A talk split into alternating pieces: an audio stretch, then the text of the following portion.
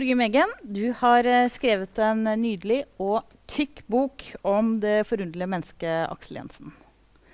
Jeg heter Tora Klevås og er biblioteksjef i Fredrikstad. Eh, og velkommen til eh, Litteraturhuset her i Fredrikstad. Boka du har skrevet, den er jo tildelt Brageprisen for sakprosa, og i juryens begrunnelse heter det Skal jeg lese litt. Aksel var noe av en lystløgner, tross alt. Noen måtte gå ham i sømmene, faktasjekke ham litt og kanskje bringe opp historiene han av en eller annen grunn ikke fortalte. Lese brev, bøker og artikler, intervjuer og presseoppslag, snakke med øyenvitner og forsøke å få en sammenheng i livet og i diktningen hans. Det har Torgrim Eggen lykkes med. Ved å presentere nye kilder til Aksel Jensens liv og verk gir han oss et komplekst og spennende bilde av en myteomspunnet og legendarisk norsk forfatter. I biografien 'Fra smokken til ovnen', en tittel tatt fra Aksel Jensens comeback-roman 'Lull' fra 92, har Torgrim Eggen invitert oss på en lesefest der alle elementene er på plass. Rikelig med trekantdramatikk og seriemonogami, arroganse, prestasjonsangst ispedd brå omslag fra fattigdom til feite honorarer. Når partyet er over og boken lest, våkner man opp fra et eventyrlig liv og et forfatterskap som ikke har gått ut på dato. En festopplevelse uten bakrus. Ja, oi. Gratulerer! oi. ja, det var voldsomt. Det var voldsomt. Flott omtale, da. Kjempefint. Eh, før vi går i gang med noen spørsmål eh, fra meg til deg, så skal du lese litt eh, fra Aksel Jensens periode i eh, Fredrikstad. Ja, Når vi først befinner oss i Fredrikstad, så syns jeg at, eh, at eh, vi skal fortelle litt om hvordan det var. sju år levde Aksel Jensen her. Eller, eller rettere sagt, han hadde et hus her i sju år. Han var frem og tilbake. Det var, det var, ikke ro i denne kroppen, for å si det sånn. Men nå er vi i hvert fall i Fredrikstad, og det er 70, 71. 1970. Altså. I Fredrikstads mikrokosmos nyter Aksel stor respekt hos noen og stor skepsis fra andre. På stamstedet Tamburen har han såpass til privilegier at Aksel er den eneste der som får servering kun iført badebukse. Han ferdes sjelden på byen uten sitt entourage, primært yngre folk som ofte er å se i Skippergata. Der flytter folk ut og inn omtrent som de lyster. Mange av dem kommer fra Oslo. De bidrar ikke nødvendigvis så mye økonomisk, og gjestfriheten gjør ham ikke mer populær hos de lokale heller. Petter Meilender skriver i sin Pushwagner-biografi. For naboene virket miljøet skremmende og Jensens rykte blant dem var tynnslitt. Alle la merke til at det var mye bråk og høy musikk til langt på natt hos Jensen. Sladderen gikk ikke minst fordi han hadde gitt besøkende LSD uten at de visste om det. De mer erfarne unge i kretsen flirte av, all, av alt oppstyret. For dem var dette noe hverdagslig. Ingen sa 'skal vi ta LSD'? Inntaket pågikk mer eller mindre kontinuerlig. For mange av psykonautene er LSD-opplevelsen så skjellsettende at den deler verden inn i før og etter, i oss og dem. Man kan nesten snakke om at stoffet er esoterisk av natur, at opplevelsene folk har, ikke lar seg fatte av de som ikke er innvidd. Skal de ha talerett i det hele tatt? Jens Bjørneboe, for å nevne en. Under et foredrag om rusmidler for gymnassamfunnet i Fredrikstad høsten 1970 tar forfatteren avstand fra LSD og andre bevissthetsutvidende stoffer. Aksel og gjengen fra Skippergata er i salen. Det er politimesteren i Fredrikstad også. Relasjonene mellom politi og alternativet i byen blir anspente når Aksel tar ordet til et motinnlegg. Han mener Bjørneboe ikke har peiling på hva han snakker om. Se på meg, sier Aksel. LSD er ikke farlig i det hele tatt. Jeg har brukt LSD i lang tid, og alle kan se at jeg ikke har tatt skade av det. I salen er det delte meninger om det. Hva handler dette egentlig om? Aksel er for lengst forbi stadiet der man har ideer om at psykoaktive stoffer kan redde menneskeheten, åpne vår kollektive underbevissthet eller noe slikt. Sånt hører 60-tallet til. Stoffet funker for ham, både som terapi, som kjærlighetsserum og som alternativ til TV-en han aldri gidder å skaffe seg. Så hvorfor denne litt krampaktige aktivismen? Logikken er ikke lett å forstå. Hvis Aksel ønsker å slå ring om sitt eget forbruk, vil han være bedre tjent med å være diskré. Og det er han på ingen måte. Psykoaktive stoffer er ikke avhengighetsskapende. Men det ser ut som om noen likevel klarer å etablere dårlige og destruktive brukermønstre, og at Aksel er blant dem. Disse to årene i Fredrikstad begynner han å se sliten og herjet ut. Å få orden på økonomien virker det som han har gitt opp helt. Litt av et liv. Litt av et liv. Mm -hmm. Og vi kommer tilbake til eh, Fredrikstad. Eh, det er mange historier om Aksel Jensen og også hans eh, misbruk eh, i Fredrikstad-tiden. Eh, men jeg prøver liksom å finne ut hvem er Aksel Jensen, eller hvem var han? Eh, og han hadde jo et forfatterskap, men han hadde jo også et liv hvor han ikke skrev hele tiden. Eh, hva var det mest av Aksel Jensen? Var han mest forfatter, eller var det det andre i livet hans som fylte? Han var definitivt mest forfatter. Altså, han skrev hele tiden. Kanskje, kanskje hver dag. I hvert fall fem dager i uka. Eh, og eh, han etterlot seg en vanvittig bråte med papirer, utkast, skisser, gjennomskrivninger av, eh, av, eh, ting som skulle bli til romaner, og som i noen tilfeller aldri ble til romaner. Og påbegynte, påbegynte ting. Eh, han eh, var uhyre selvkritisk. Eh, perfeksjonist, må vi vel nesten kunne si, på sitt merkelige vis. Og, og ting satt veldig langt inne. Eh, romanen 'Lull', som, som ble comeback-romanen hans i 1992, begynte han på i 1978, så vidt jeg har forstått. Og, og, og denne lille boka er på 140 sider omtrent. Jeg har sett igjennom flere tusen sider som har vært utkast til ull. Altså, det, det, det, teksten endret seg gjennom disse 14 årene. Mm. Men hvis du skulle beskrive han, er, er det lett å beskrive Aksel Jensen? Hmm, um, jeg har brukt uh, veldig mange sider på det. uh, uh, helt klart han er en um, var. Det er, så, det er, så, vanskelig og Når man jobber med biografi, så havner jeg i dette presensleiet. Altså.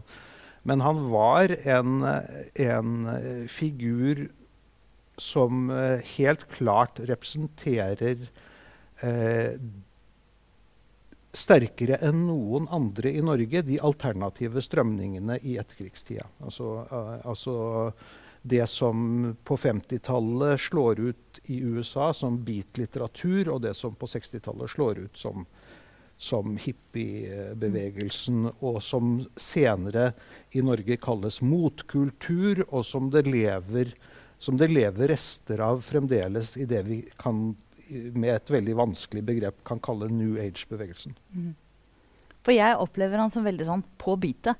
Altså, han er tidlig ute til å se hvilke strømninger som er i samfunnet. Eh, hvorfor fikk han til det?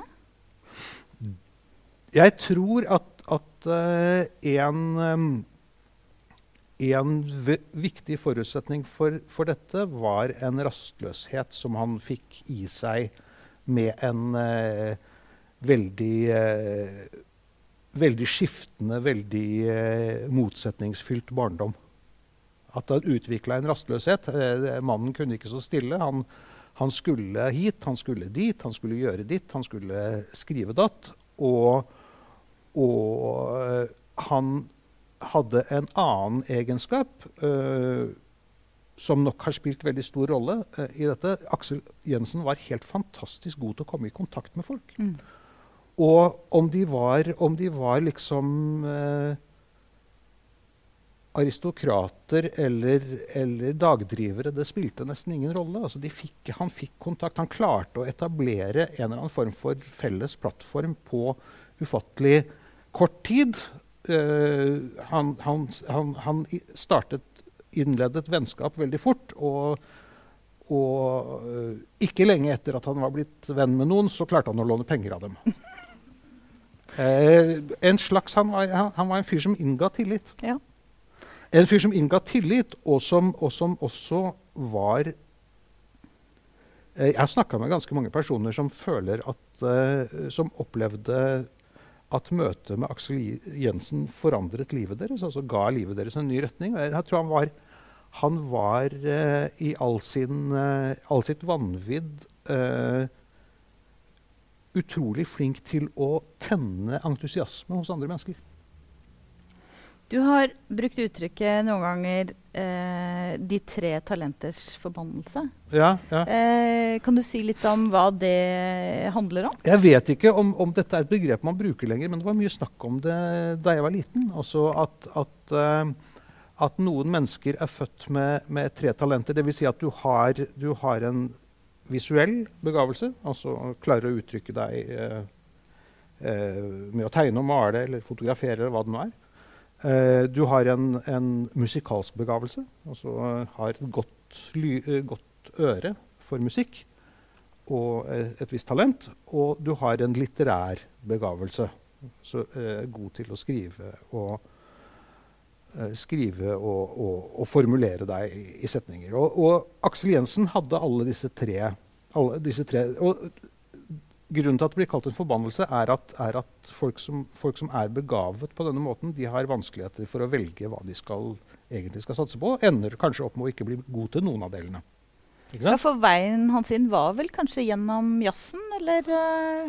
Ja. øh, det er vanskelig å vite egentlig hva, som, hva, som, skjedde når så vidt jeg har forstått, så ble Aksel Jensen jazzfrelst i 14-årsalderen. Eh, og, og, noen mener at han allerede den gangen drev, lekte med forfatterplaner, altså skrive, skrive, litteratur. Men, eh, men eh, jeg tror det er veldig viktig eh, at um, tiden er veldig viktig.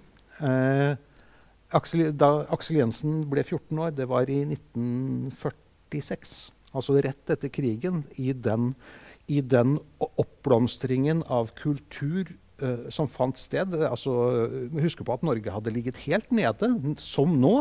Uh, konserter og dans var forbudt i, uh, i de siste tre årene av krigen da, særlig dansetilstelninger. Altså, øh, man skulle liksom ta stundens alvor inn over seg. Det var liksom, Riktignok var det tillatt med noen sånne folkedansoppvisninger, sånn, altså ting som var ting som, som eh, Nasjonal Samling syntes var flott. Da. Men, men, men så uh, våren 1945, altså for uh, 80 år siden, nei, 75 år siden nå, så ble alt dette frisluppet. Og jazzen hadde selvfølgelig, fordi den var den var eh, rasemessig underlegen i, forhold, i, i henhold til nazisten. Så skulle det holdes lokk på. Og det var kanskje den viktigste delen av den ny, nyorienteringen som skjedde i Norge etter krigen. I hvert fall for en 14-åring som Aksel Jensen var. Ja. Du har jo skrevet denne fyldige boka. Eh, er det riktig at den tok ni år å skrive? Nei. Nei? Hvor lang tid tok det? Eh, å skrive er det, det, er litt vanskelig å svare på. Eh, de første tingene her, for, de eldste tingene er faktisk skrevet for ni år siden. Men, eh, men det er Det var våren på, for elleve år siden, har det vel blitt nå, at, at, jeg, at, jeg, sa ja til oppdraget og begynte å undersøke. Og begynte å, å, å intervjue folk og, og sånne ting. Uh, en av de første intervjurundene tok jeg faktisk hit til Fredrikstad for å treffe um, illustratøren Tore Bernitz Pedersen mm. og, og kona hans, som da bodde i gamlebyen. Hun bor fortsatt i gamlebyen, så vidt jeg mm. vet. Han er død. Eh, og de var veldig viktige figurer både i eh, Aksel Jensens liv i Fredrikstad, men også, men også tidligere. Eh, Aksel og Tore møttes på Hydra i høsten 1960. Og, og da var eh, Tore Bernis Pedersen han var eh, reklametegner fra Oslo eh, og hadde tatt seg et friår for å, for å drive med ja, for å prøve å utvikle seg som selvstendig kunstner. Og en av de første personene han blir kjent med da eh, i denne greske bohemkolonien på Hydra, er Aksel Jensen.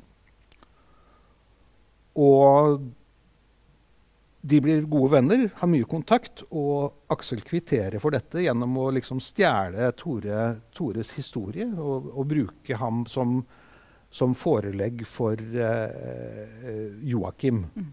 Uh, Joakim, hovedpersonen i romanen 'Joakim', som kom i 1961, uh, bygger på Tore Bernis Pedersen. Så mm. han var en interessant type å snakke med. Ja, og de har jo hatt et liv sammen senere også, kontakt her i ja, Fredrikstad. Ja, ja. Uh, litt tilbake til det å skrive biografi. Jeg leste et eller annet sted at du nesten ga opp uh, underveis. Uh, det, var, det, det, var, det, var, så stort. Altså, det, var, det, var, så mye, det var så mange hendelser. Det var så mange personer.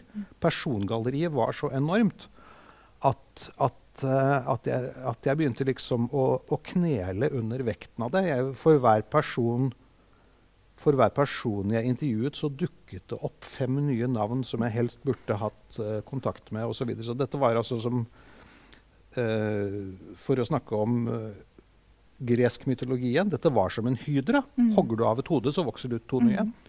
Og, og, og, og hvis jeg skulle ha snakket med alle disse personene og prøvd å, prøvd å få gode, faktasjekkede intervjuer ut av alle, så hadde jeg holdt på med dette fremdeles.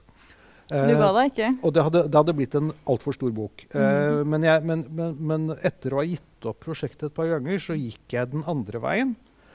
Um, jeg, hadde hatt, jeg, hadde hatt, et par samtaler med fagfolk. Jeg er jo ikke faghistoriker eller noe sånt. Jeg er jo bare en halvstudert røver, sånn som han.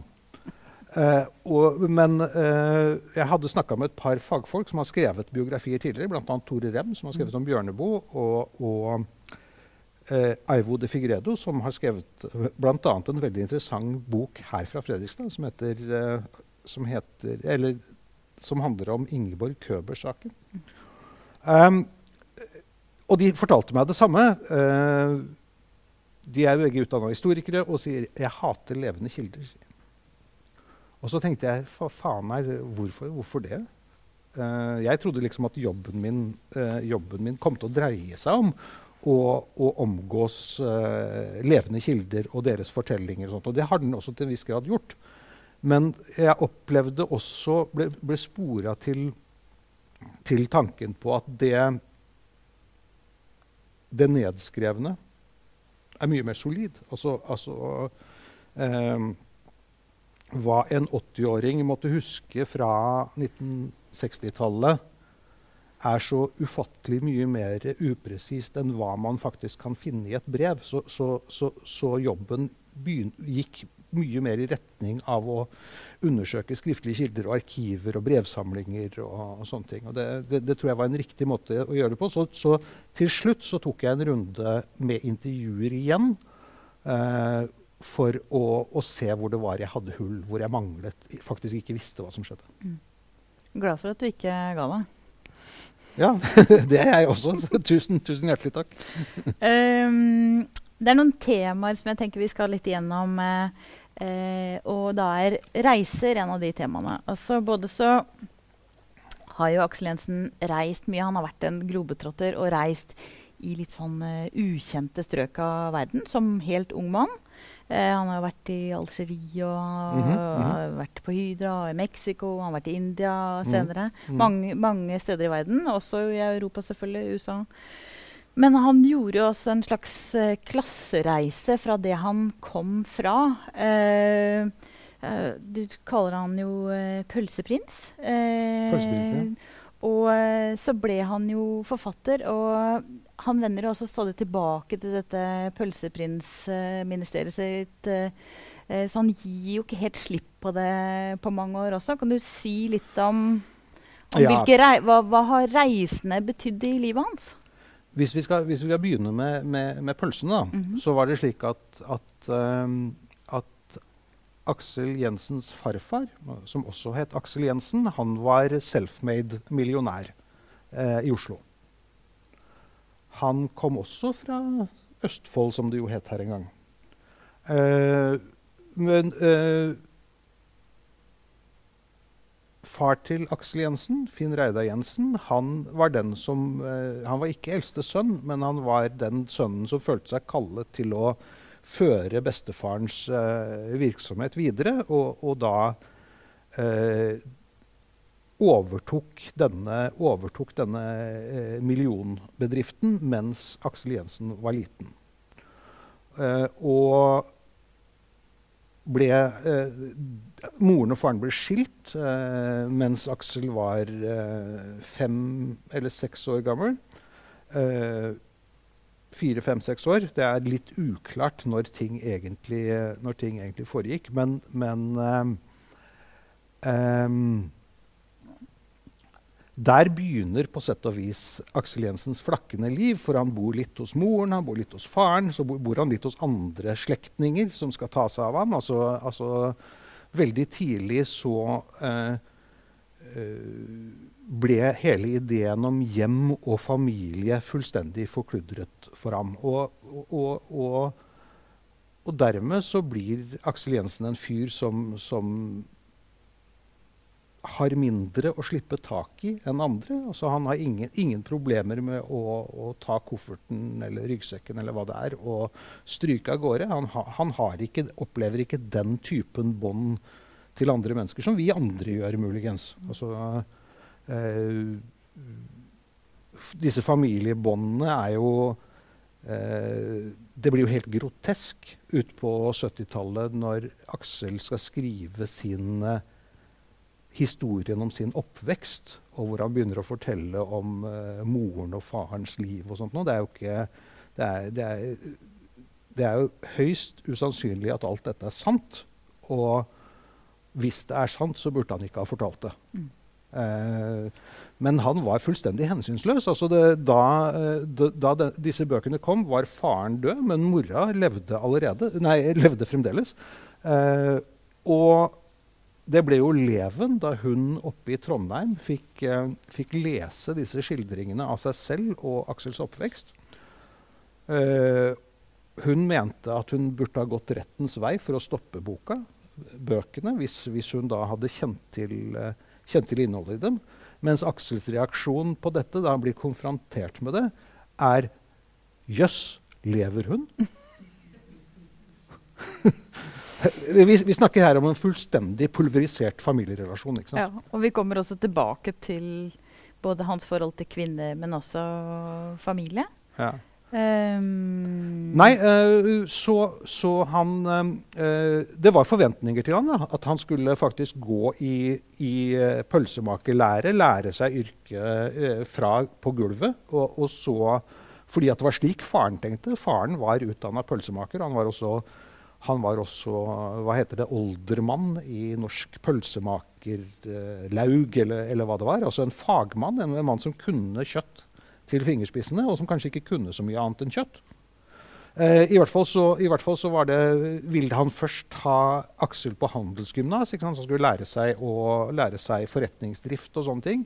Det gikk ikke. Så i det hele tatt, han var, han, han var ikke noen entusiastisk skoleelev eller student, eh, eller noe sånt, noe, selv, om han, selv om man jo eh, leste eh, mengder og forsto veldig mye av det han leste. og sånt, noe, så han, mer, han var mer eller mindre en drop-out. Eh, og så begynte han i læra hos faren, og så begynte i familiebedriften og, og holdt på der en stund til han hadde spart opp nok penger til å reise ut på det store eventyret. Og da var han eh, i, i 20-årsalderen. Eh, og, og det handla om Til å begynne med så, så har han liksom til, å begynne med så har han med seg klare planer og skal sitte der og skrive på det og det stedet. og sånt, Men så, men så tar det ene det andre. Penga tar slutt, og han havner mer eller mindre på loffen. Eh, men det var jo penger i, i familien, så, så Aksel Jensen var i motsetning til andre loffere i den situasjonen at han faktisk kunne skrive hjem og få tilsendt penger. Så, så helt, helt, på, på bar bakke sto han aldri.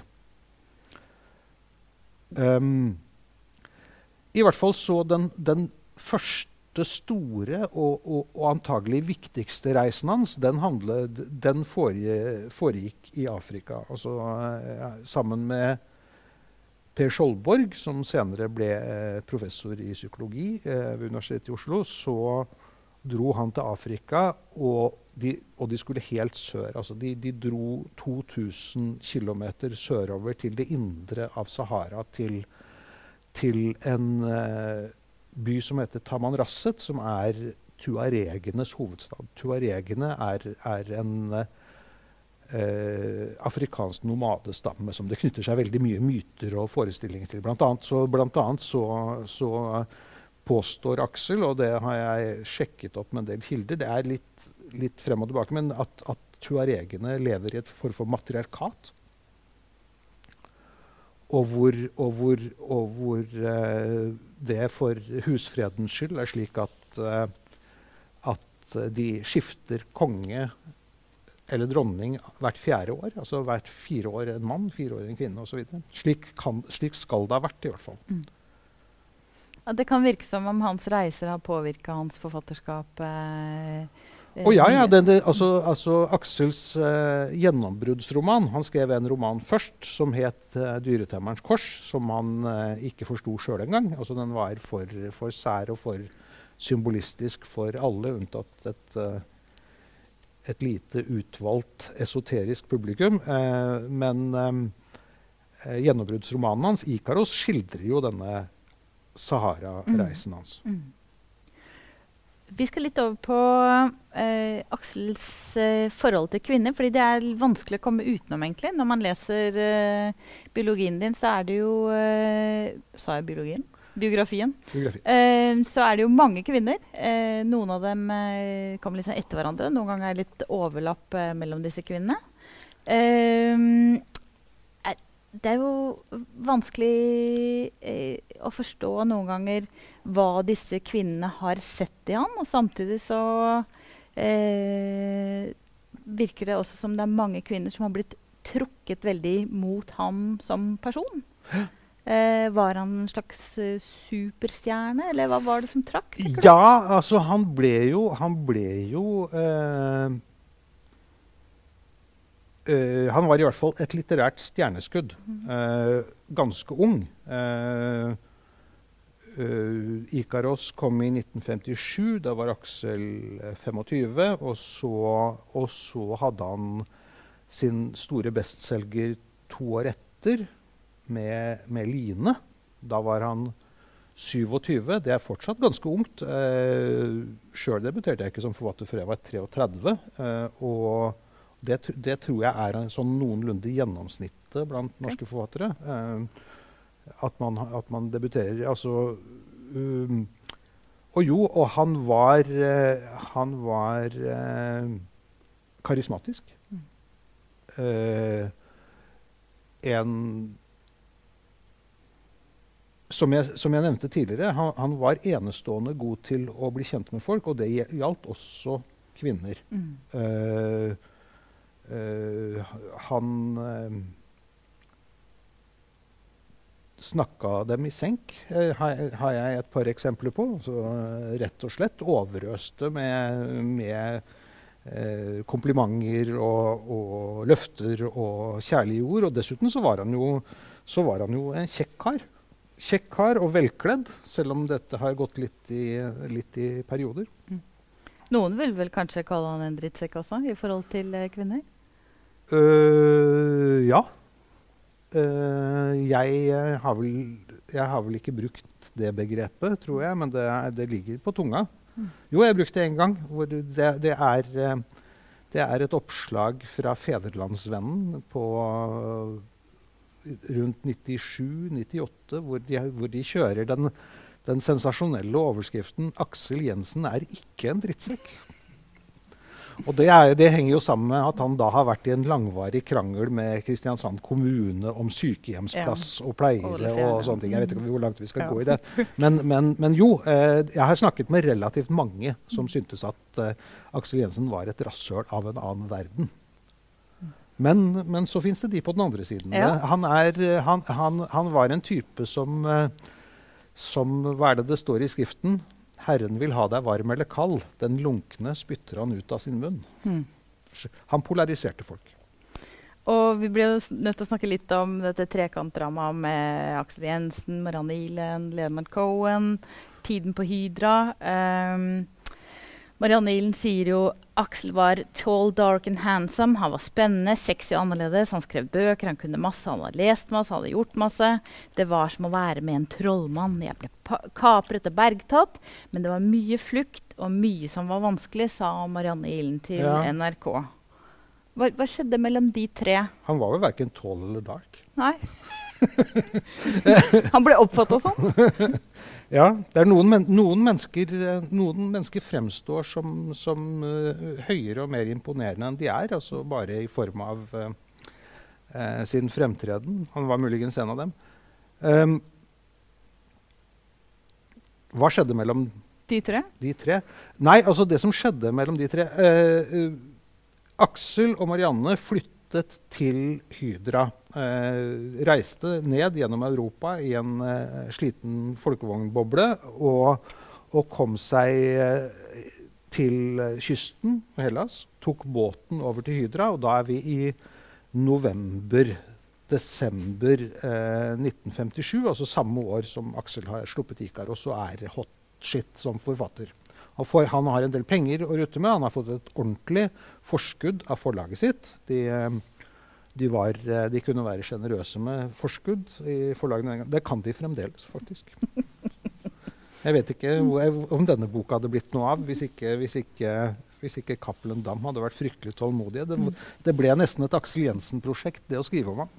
Det er en digresjon. Uh, I hvert fall så, hvert fall så, så uh, lever de sammen der på Hydra i uh, vel to og et halvt år. Ehm, litt fram og tilbake, flytter fra hverandre, kommer sammen igjen. Så blir, så blir Marianne gravid eh, med Aksels eldste sønn, Lille-Aksel, eh, som ble født i januar skal vi se nå, januar 1960. Eh, så Da var det i Oslo. Hun, gutten ble født i Oslo. Eh, så dro Aksel alene ned til Hydra igjen Eh, Bl.a. fordi at han hadde tjent så mye penger den høsten på romanen 'Line'. Hans største bestselger noen gang. Og, og, hvis han oppholdt seg mer enn tre måneder i landet, så var han nødt til å skatte til Norge, så han hadde ikke noe valg. Han måtte dra, han måtte dra til, eh, til, eh, tilbake til Hellas. og da Han hadde kjøpt seg en ny bil, og han hadde kjøpt seg Knut Hamsuns samlede verker i fine skinnbunn. Han var veldig flink til å bruke penger, Aksel Jensen masse nye klær og sånne ting. Og så, og så var, han der, var han der alene i vel tre måneder. To eller tre måneder. Så i mai, eh, da i mellomtida, så bor Marianne hos sin mor og lærer seg å stelle barn og alle sånne ting. Dette var like nytt for henne som for Aksel. Um, da hun kommer ned til, til Hydra i mai, så viser det seg at Aksel Jensen har truffet en ny kvinne nå som han, som han vil, vil, leve sammen med. En amerikansk malerinne som heter Hun lever ennå. Patricia Amlin. Um, og dette er jo fryktelig vanskelig for Marianne Ilen. Hun hun er jo da en, et spedbarn som går rundt og triller i vogn, og hun har en ektemann som, som stikker av og blir borte og ikke, og ikke, vil fortelle hvor han er. Mens alle andre, dette er jo et knøttlite sted, så alle andre vet jo hva som foregår. Så i løpet av denne, av denne, perioden hvor alt er usikkert, så møter hun på en kanadisk poet som nettopp har kommet til Hydra. Det er Leonard Cohen. Så ender dette det, Vi må jo nesten kalle det et firkantdrama, siden vi har, en, uh, siden vi har denne amerikanerinnen her også. Dette ender med knall og fall, og med, og med blod og, og, og, tårer og tenners gnissel. Og, der, og så forlater Aksel Jensen Hydra sammen med den amerikanske kvinnen, kunstnerinnen. Og dermed står eh, Marianne der. Hun Riktignok har hun et hus, men hun har ikke stort å leve av. Og hun har ikke noe hjelp til å ta seg av eh, guttungen og sånne ting. Og da er det Leonard Cohen trår til, da. At han, at han, eh, han øh, forelsker seg i henne. Og, og, blir, og blir, de blir samboere, og han blir en slags stefar for lille Aksel. Det er en sånn glamorøs uh, historie, men med mange alvorlige sider også. Um, jeg vet ikke hvor glamorøst det var, egentlig. Altså på, denne, på denne tida så er den, uh, den, eneste, den, eneste, som har uh, noe penger og muligheten til å leve noe slags glamorøst liv av dem, er Aksel. Mm. Leonard Cohen hadde ikke nåla i veggen. Mm. Han hadde et lite stipend, mm. liksom, og så arva han penger av en tante og kunne kjøpe seg et bitte lite hus på Hydra, som den gangen Det kostet ikke noe. Um, de, levde, de, levde, enkelt og, og, og utflytende. Mm. Eh, vi skal litt tilbake til Fredrikstad. Eh, hvor er han i livet og i forfatterskapet når han uh, flytter hit? Ja, For det første, så, det første så, så, så, har jeg forstått det sånn at uh, Aksel Jensen begynte å komme til Fredrikstad uh, på, på, midten av 50-tallet. Uh, han hadde en, en, venn i Oslo, en eldre venn, som var dommer. Uh, Moen et eller annet. Jeg begynner å glemme hva disse figurene heter. Men i alle fall så han hadde en hytte her ute på disse kanter som Aksel pleide å dra til for å, skrive, for å få skrivero. Mm -hmm. Så han kjente til byen. Og øh, da øh, Da Han hadde bodd et par år i London, eller i hvert fall halvannet år, sammen med Eh, en annen kvinne som han aldri giftet seg med, eh, som het svensk eh, kunstnerinne og tekstildesigner og grafisk designer, som het Lena Folke Olsson. Hun døde faktisk nå i januar. Mm. Eh, Lena, et, Lena sin familie var fra Uddevalla, og de hadde et sånt sommersted i Bohuslän som de pleide å dra til. Og jeg tror at det var på veien fra Bohuslän til Oslo at de stoppa opp i Fredrikstad, og Aksel begynte å undersøke. Her må det kanskje være muligheter for å her, her, kan det være billigere å bo enn i Oslo. Her må det være mulig å finne et hus. Uh, han, dette var like før han utga romanen 'Epp', som var et slags uh, som ble et sånn slags comeback for, uh, for Aksel Jensen. Han de debuterte på nytt i en helt ny stil, en helt, med en helt ny litterær verden og i en ny språkdrakt osv. Det var store forventninger knytta til det. Og så uh, På nyåret i 1966 så fikk Aksel Jensen et digert stipend. Eh, noe som heter Abraham Wussells litteraturstipend, eh, og som også er blitt kalt Den lille nobelprisen. Eh, det er et femårsstipend hvor du får utbetalt en Den er indeksregulert til å tilsvare en østerriksk professorlønn i fem år. Med disse pengene så innså Aksel Jensen at han eh, kunne kjøpe seg et hus i, i, i Fredrikstad. Og det var da i Skippergata. Altså der han er fotografert på, på dette bildet. Mm. Men hva har Fredrikstad hatt å tilby Aksel Jensen på den tida der? tenker jeg eh, En litt mindre by, noe, selvfølgelig noe kunstnerliv i gamlebyen og pluss osv. Nei, Det interessante er at den som, den som, til å begynne med hadde størst utbytte av å flytte til Fredrikstad, det var Lena. Fordi at hun, hun fant likesinnede i Fredrikstad i eh, brukskunstmiljøet i gamlebyen, altså pluss plussmiljøet. Eh, hun ble ikke noen sentralfigur i det, men en helt klar eh, gjorde mye ting her sammen med, sammen med lokale, lokale, brukskunstnere. Eh, men eh, for det første så er ikke Fredrikstad så fryktelig langt fra Oslo. Eh, hvor, hvor, Aksel Jensen hadde sine bekjente og, og, og, og sånt noe. Og, for det andre så var det jo eh, så var det jo et eh, Dette er eh, Østlandets nest største by, uh, Fredrikstad. Og, og, det har gjennom mange år vært, vært en kulturby altså, med helt særegen, helt særegen kultur som nok ble tydeligere utover 60-tallet, da, da, liksom motkulturen som, som, kom til Oslo, rammet Fredrikstad i nesten like stor grad, tror jeg. Mm. Ja, fordi Vi var litt inne på det i stad, eh, at han var kanskje ikke sånn veldig populær i Fredrikstad, i befolkningen. Og du skriver eh, i boka di Aksel sliter voldsomt. Han drikker mye og opptrer konfronterende og truende. I hvert fall har det vært nok høylytte episoder blant de gamle trehusene i Skippergata til at Aksel ender med et rykte som koneplager. Folk flest i Fredrikstad liker ham ikke. skriver nei, nei.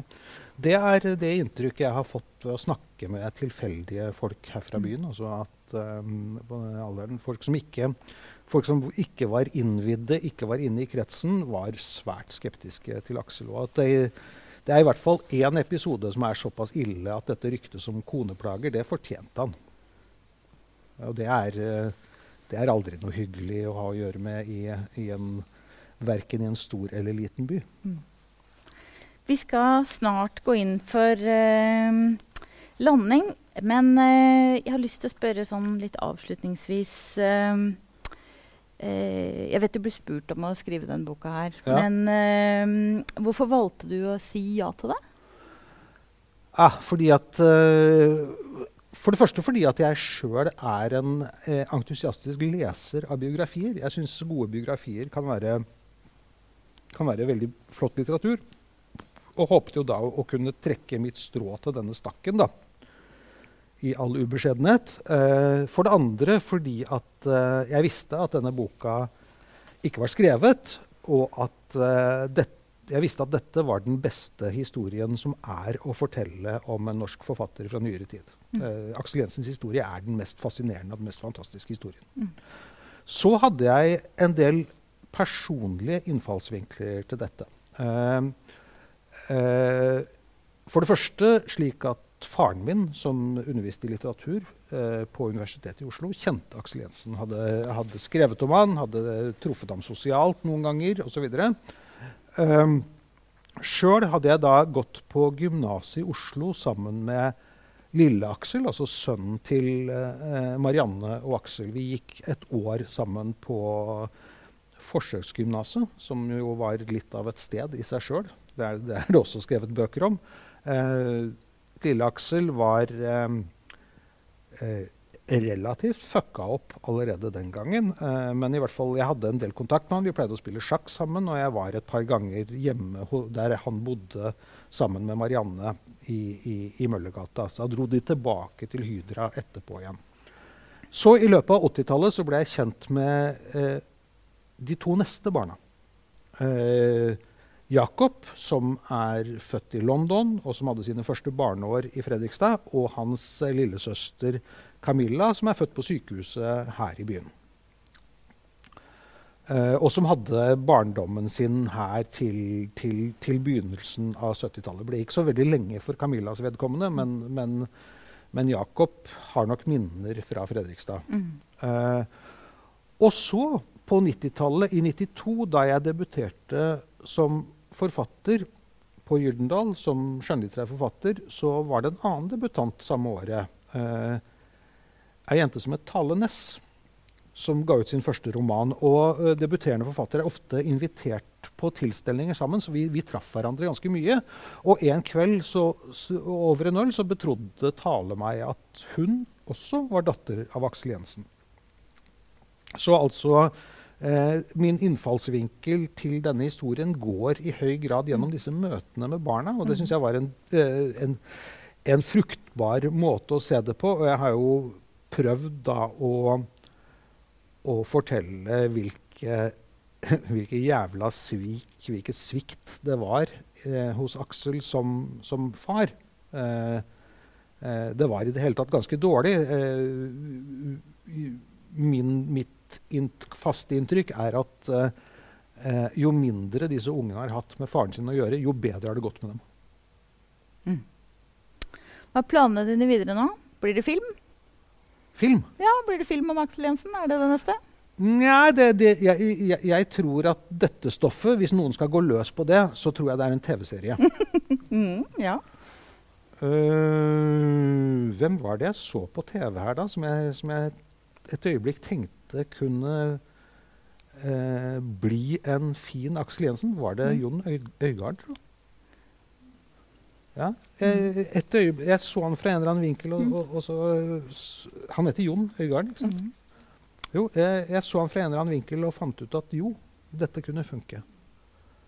Eh, men det må jo noen andre ta initiativet til. Jeg skal ikke for guds skyld begynne å starte noe filmproduksjonsselskap. Mm. Uh, ellers, så, ellers, så, går jeg med andre bokplaner. Jeg sitter og skisser på en eh, roman som forlaget tror skal komme neste år. Det tror ikke jeg så mye på. Og så holder jeg på med et prosjekt som, um, som jeg har fått stipend til, så det har vært offentliggjort. jeg, skrive, jeg har skrevet to bybøker. Jeg har skrevet en, en, eh, en om New York, og jeg har skrevet en om Berlin. Altså de er sånne, dette er sånne mm. hva skal vi kalle det, kulturhistoriske vandringsbøker. eller hva man skal kalle det. Jeg har tenkt å gå i gang med en tredje, eller jeg har gått i gang med en tredje. Og den skal handle om Oslo. Altså byen som jeg er født og oppvokst i. Prøve å se Oslo eh, gjennom de samme prismene som jeg bruker på disse Eh, Riktignok større og mer dramatiske fortellingene, men det er nok å drama å ta av i Oslo også. Det gleder jeg meg til. Så skriver jeg, så skriver jeg, artikler og essays. Jeg leverte akkurat uh, et ganske digert essay til Vagant om den tyske eksperimentgruppa Einstürzen Neubauten, som fyller 40 år these days og har nettopp gitt ut en ny plate. Jeg har lyst til å slutte med noe som du har skrevet uh, om Aksel, Jensen, Aksel, Jensens arbeid med romanen 'Lull'. Uh, og det har han skrevet om og om igjen. han har skrevet om, om, Lem. og du skriver på side 398 hadde vi hatt hele Lem-arbeidet fra begynnelse til slutt og på magisk vis sortert seg selv i kronologisk rekkefølge, så kunne vi lest Aksel Jensens liv nesten som årringene på et tre. Gode og dårlige årstider, fete og fruktbare somre og skinnmagre, beinkalde vintre. Svarte ringer av galskap, fortvilelse og desperasjon. Lyse bånd av kjærlighet, vekst og glede. Det syns jeg var veldig fint. Tusen takk. Tusen takk skal du ha. Takk for en hyggelig prat.